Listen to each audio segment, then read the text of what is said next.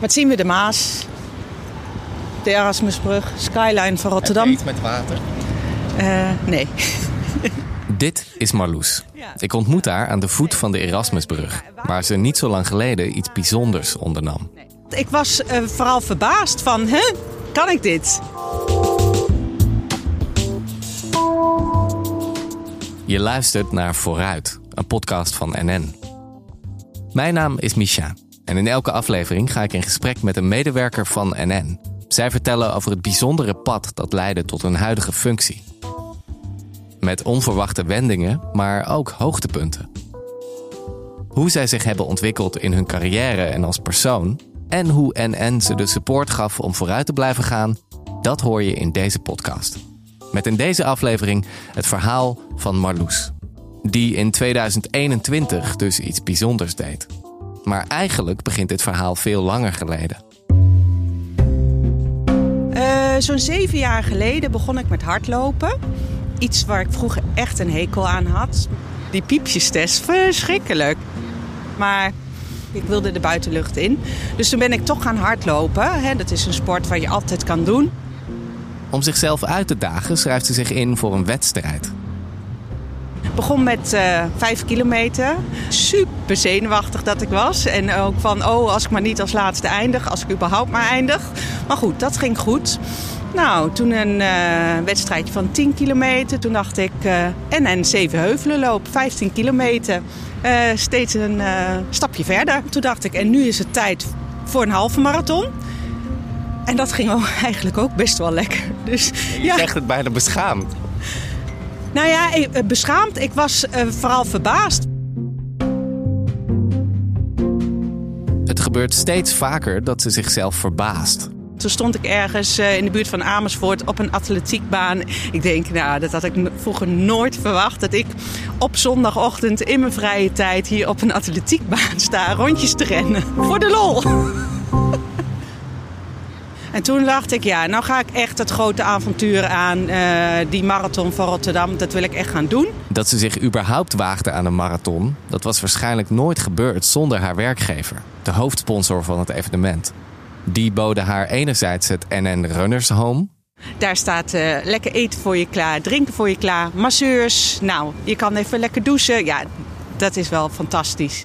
En anderzijds hielpen ze haar de afgelopen tijd met trainen. Ik dacht ook wel, ik wil dit wel um, goed doen, zorgvuldig doen, geen blessures. En NN die biedt daarvoor een eh, begeleidingstraject voor medewerkers. En daar heb ik mij voor aangemeld. En dan krijg je dus echt een uh, persoonlijk trainingsschema wat bij jouw doel past. En dan is het 24 oktober 2021, de dag van de NN Marathon van Rotterdam. 42 kilometer en 195 meter, die Marloes samen met bijna 12.000 anderen zal proberen te overbruggen. Daar in die straat, onderaan de voet van de Erasmusbrug, daar staan al die startvakken. Daar staat Lee Towers. Die zingt dan nog even You Never Walk Alone. Ja, dat hoort er ook bij. Nou, en dan is startschot. Dan begint het feest.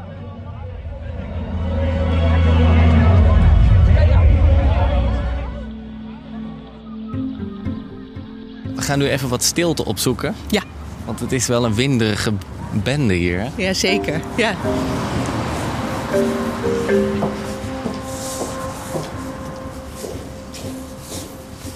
Hier is het al beter. Zeker, heel fijn. Kun je je even voorstellen? Ja, ik uh, ben Marloes.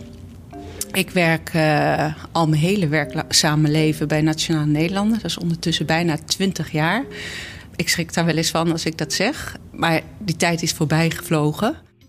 Na haar studie rechten werd ze benaderd door een recruiter voor een baan bij Nationale Nederlanden. Ja, die belde mij en uh, toen dacht ik, oh, Nationale Nederlanden, leuk. Als maar niet bij pensioen is. Ja, daar heb je zo'n beeld bij. Zeker als je net bent afgestudeerd, pensioen. Ja, uh, leek me heel erg saai. Toen dacht ik, nou laten we dat niet, niet mijn eerste voorkeur, maar laten we dat maar proberen. Het is wel een mooie manier om bij zo'n groot bedrijf binnen te komen en te kijken hoe dat hier werkt en hoe, hoe zij met elkaar werken. Toen ben ik als jurist begonnen bij Nationale Nederlanden. Al gauw blijkt dat ze pensioenen veel interessanter vindt dan ze had gedacht. Ja, iedereen heeft er eigenlijk mee te maken. Het, het lijkt nog ver van je bedshow. Maar uh, uiteindelijk uh, is het hartstikke belangrijk. Het was ook continu in beweging. Er kwamen nieuwe wetten. De nieuwe pensioenwet kwam er toen aan, 20 jaar geleden. Het was veel leren. Ze houdt zich met allerlei zaken bezig, waaronder productvoorwaarden. Of die goed waren, uh, of de overeenkomsten uh, goed waren en het raamwerk ook opstellen.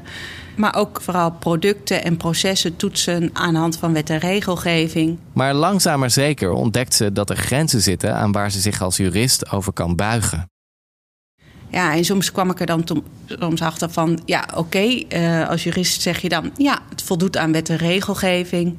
Maar dat begon bij mij soms te knagen, want ik dacht van, ja, weet je, uh, prima, het voldoet aan de wet, maar um, dit is niet uh, de oplossing waar klanten dan nog echt super blij van gaan worden. En dan schreven we bijvoorbeeld documenten op of voorwaarden. Toen dacht ik, ja, het klopt allemaal juridisch. Maar die begrijpt toch niemand? Zeker pensioen. En je wil juist dat de klanten uh, begrijpen wat voor product ze sluiten. En wat voor product ze nemen. En wat de voorwaarden zijn. Wat de risico's zijn. Marloes gaat verder dan alleen maar constateren waar ze moeite mee heeft. Ik ben toen nog een tijdje, uh, heb ik ook een heel klein uitstapje gemaakt. Toen ben ik projectleider geworden begrijpelijke taal. Dus uh, al die documenten omzetten in begrijpelijke taal. Enorme uitdaging. Regelmatig komt ze als jurist in aanraking met andere afdelingen binnen NN. En één afdeling in het bijzonder trekt haar aandacht. Compliance. En toen dacht ik, hé, hey, jij hebt eigenlijk wel heel leuk werk. en toen, ja, ja, eigenlijk wel. Ze wil zich bezighouden met wet en regelgeving, maar eigenlijk vindt ze dat niet genoeg. Ik vind zelf integriteit, dat is voor mij een hele belangrijke kernwaarde, ook van mij persoonlijk. Daar sta ik voor. Dus wanneer NN een nieuwe compliance officer zoekt, hoeft ze niet lang na te denken. Eerst werkt ze bij pensioen, daarna bij schade en inkomen. Dus dat geeft weer een hoop energie. Kijk, als compliance officer vind ik het mooi dat je altijd verder kan gaan dan alleen het voldoen aan wet en regelgeving. Wij kijken ook vooral van is dit de beste oplossing voor de klant? Het voldoet aan wet en regelgeving, maar dat betekent niet automatisch dat het dan uh, een goed product is voor de klant. En daar kan je als compliance officer echt wel uh, het verschil maken. Aanvankelijk telt het team drie compliance officers, maar inmiddels zijn ze met z'n tienen. En dat brengt een hoop voordelen met zich mee. Dus dan krijg je ruimte ook om je te specialiseren. En er wordt ook wel steeds meer gezien dat gedrag en cultuur, dat we daar nog wel een verschil mee kunnen maken. Dus uh, afgelopen jaar kwam er bij ons team een nieuwe rol, een nieuwe functie beschikbaar. Daar heb ik ook gesolliciteerd. En dat was dan een die onder andere als aandachtsgebied heeft gedrag en cultuur meer te integreren in dat compliance werk. Marloes krijgt de functie. En om zich verder te specialiseren biedt NN haar ook nog eens de mogelijkheid om een opleiding te doen. Dus toen ben ik corporate antropologie gaan studeren om echt cultuur en gedrag goed te begrijpen. Ik heb door die studie ook echt heel anders leren kijken en anders leren denken. En dat is als compliance officer ook heel waardevol. Zonder vooroordelen alles bevragen. Als er één ding is dat een compliance officer constant moet doen, is dat het wel. En dus stelt Marloes vragen. Veel vragen. Is dit productkenmerk goed voor de klant? Wat levert het op? Betaalt hij een eerlijke prijs? Is dit getoetst bij de klant? Wat is exact de behoefte van de klant? Is het duidelijk wat hij krijgt voor deze verzekering? Wil de klant deze prijs betalen? Is het een eerlijke prijs? Staat hij niet te veel? Geen kleine lettertjes? Hebben er transparant in? Sommige mensen denken dat compliance officers zelden hun compliance hokje uitkomen. Maar niets is minder waar. Ik denk dat ik als compliance officer overal kom. Uh, er zijn afdelingen waar je heel veel mee samenwerkt. Product management, hè, HR, interne communicatie werk ik heel veel samen mee. De laatste jaren krijgt Marloes steeds meer ruimte om zich te buigen over zaken die niet alleen bij NN, maar eigenlijk overal spelen. Ik heb op een gegeven moment aangesloten uh, bij de kennistafel Gedrag en Cultuur van de Vereniging van Compliance Officers. Uh, daar zitten dus mensen van andere banken, verzekeringsmaatschappijen, maar ook hele andere organisaties. Uh, het is altijd super leuk en inspirerend om daar kennis te halen en te brengen. Ja, hoe doen andere organisaties dat? Oh, die lopen daar ook tegenaan. En hoe, welke oplossing hebben zij? En ik ben ook heel blij dat NN dat stimuleert om uh, ook naar buiten te gaan en te kijken hoe andere organisaties dat doen en hoe wij daarvan kunnen leren. Een actueel thema waar Marloes zich sinds een paar jaar veel mee bezighoudt, is veilige werkomgeving. Een onderwerp dat haar nauw aan het hart ligt. Ja, de Voice, daar begon het toen mee. Uh, grensoverschrijdend gedrag. Het begon met seksueel grensoverschrijdend gedrag. Het gaat nu steeds meer over gewoon grensoverschrijdend gedrag. En daarvoor moet je je meldpunten hebben. Daarvoor moet je je processen ingericht hebben. Dat medewerkers weten waar ze terecht kunnen als zij zoiets ervaren of zien. Maar dat is één. Ik wil eigenlijk liever dat voorkomen. Dus ik dacht, ik moet gaan werken aan veilige werkomgeving en dat gaan stimuleren. En dat als compliance ook op de kaart zetten. Het is niet meetbaar. Het is niet direct een resultaat van, nou, als we dit doen, dan zijn we er of zo. Dan is een e-learning makkelijker, hè? Want dan, uh, dan kun je ook laten zien van, nou, we hebben aan awareness gedaan, iedereen heeft de e-learning gedaan, check, klaar. Dat is een mooie basis en dat blijven we ook altijd doen, maar er is nog veel meer dan dat. Marloes merkt dat leidinggevenden bij NN wel iets met het onderwerp willen doen, maar vaak geen idee hebben waar ze precies moeten beginnen. En toen ben ik eens even na gaan denken van hoe kan ik nou in korte tijd een hele groep leidinggevenden bereiken. En uh, toen dacht ik, hé, hey, er kwam weer een leidinggevende dag, een mooi event in juni. Ik dacht, hoe gaaf zou het zijn als ik een externe spreker kan regelen die wat over, heel enthousiast over dit onderwerp en heel inspirerend daarover kan vertellen. Dus toen uh, ben ik gaan samenwerken met HR en onze interne communicatie. Dat is ook het mooie van zo'n groot bedrijf. Je doet het niet alleen. Nou, zij waren beide ook echt super enthousiast. Dus toen hebben we dat uh, met z'n drieën geregeld. Het was ook wel spannend. Ik denk, oh jee, als dat niet valt, dan uh, ja, het is toch best wel vervelend. Zou ik echt wel vervelend vinden, want er zitten wel 170 uh, leidinggevenden zo'n beetje. Ja, dat voelt voor mij wel als een risico. Ja, ik zit niet voor niks bij compliance. Ik ben wel een beetje risicoavers. ja, dat is wel uit mijn comfortzone. Maar soms moet je, soms moet je experimenteren, laat ik zo zeggen. Dus uh, ja, ja. Gelukkig valt de spreker in goede aarde. Ze heeft het op een hartstikke leuke manier uh, uh, ja, heel inspirerend verteld, maar ook heel praktisch. En dan denk ik, ja, dat is dan weer een mooi, mooie stap om die verandering in beweging te zetten. Het doet Marloes beseffen hoe ontzettend belangrijk het is om grote ambities klein te maken. Ja, veilige werkomgeving. Hoe, hoe, hoe doe ik dat? Hoe creëer ik dat? Dat is een heel groot ding. Je kan beginnen met je kwetsbaar opstellen. En ook als leidinggevende zeggen: ja, ik weet ook niet alles. Help me dan creëer je al wat meer veiligheid. Ik denk dat in het algemeen vaak zo groot wordt gemaakt. En dan denk ik, er zijn best wel dingen. Je kan gewoon morgen met kleine stapjes beginnen.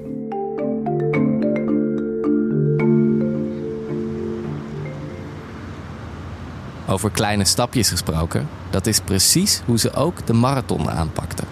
Ja, je moet ook niet denken bij het begin van uh, poeh, nog uh, 42 kilometer. Nee, ik heb, uh, dat is ook mindset. Ik, ik heb ze opgeknipt in blokken van ongeveer 5 kilometer.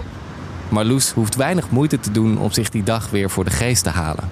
Het was prachtig weer. Het was zonnetje, weinig wind. De temperatuur was goed, niet te warm, niet te koud. Helemaal perfect. De eerste blokken van 5 kilometer gaan soepel.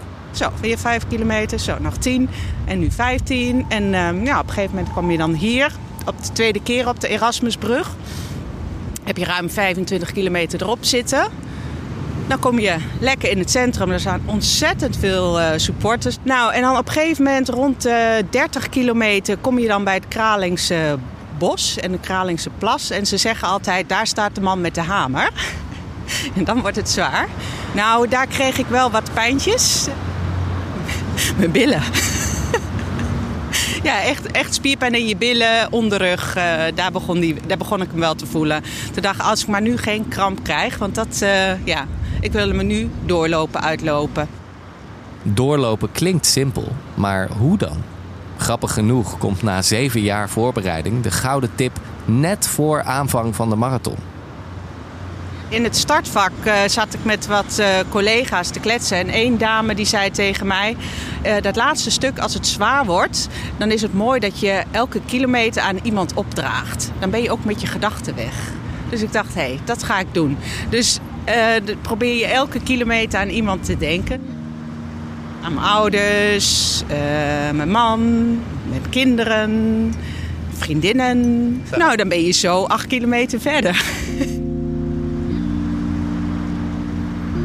Als je verderop mensen tegenkomt die het even uh, moeilijk hebben of zo, dan zeggen ze heel gauw: kom op, even volhouden, gaat het? En je wordt opgetild. En ook door de supporters die je helemaal niet kent. Ja, dan heb ik een startnummer met mijn naam erop en roept iemand: Kom op, Marloes. En die ken ik niet eens, maar dat is gewoon mooi. Bij de start komt ze een andere collega tegen, een trainingsmaatje. En wij liepen ongeveer hetzelfde tempo, dat weet je van elkaar. Maar het is je eigen wedstrijd en je moet zo'n wedstrijd ook niet met elkaar gezellig gaan oplopen. Ieder zijn eigen plan. Ik heb haar 40 kilometer niet gezien, alleen in het startvak. En twee kilometer voor het eind kwam ik haar tegen. Ja, dat was fantastisch. En toen zeiden we ook, we gaan het halen. We lopen hem samen uit en we liepen samen over de finish. Nou, dat is top. En, en dat vind ik ook het mooie van zo'n hardloopwedstrijd. Je doet het alleen, maar je staat er niet alleen. En die tijd, dat maakt niet zoveel uit. Ik heb het, ik heb het gedaan. Wat was het bij? Oh, 4 uur 17. Super trots. Die pijn die kwam later wel. Maar ja, dat was dus het fijne van het NN Runners hoor. Er stonden ook die masseurs uh, klaar. Dus daar heb ik even dankbaar gebruik van gemaakt. En heerlijk kunnen douchen, eten, drinken. En uh, lekker s'avonds thuis met de beentjes omhoog. Niks meer doen.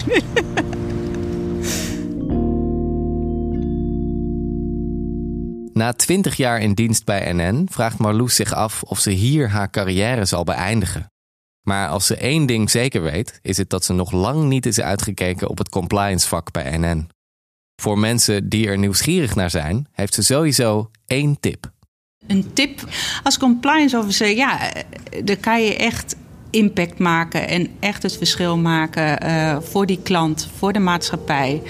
Wat ik zelf heel erg doe bij nieuwe collega's is. Um, roep alles wat je opvalt, wat je gek vindt, wat we anders moeten doen. Ja, en wij staan echt open voor verandering. Uh, kom maar op met die verandering. Je hoorde het verhaal van Marloes die zich ontwikkelde van jurist tot compliance officer tot specialist op het vlak van gedrag en cultuur. NN hielp haar aan een studie corporate antropologie en liet haar via de Vereniging van Compliance Officers kennismaken met vakgenoten uit andere organisaties. Bovendien bood NN haar een begeleidingstraject waarmee ze zich optimaal voorbereidde op de Rotterdamse Marathon. Haar belangrijkste tip: wees niet bang voor verandering. Stap uit je patroon en stel je open voor de frisse blik van een ander. Wil jij met ons de verandering aangaan? Ga naar nn-careers.com en ontdek de openstaande vacatures.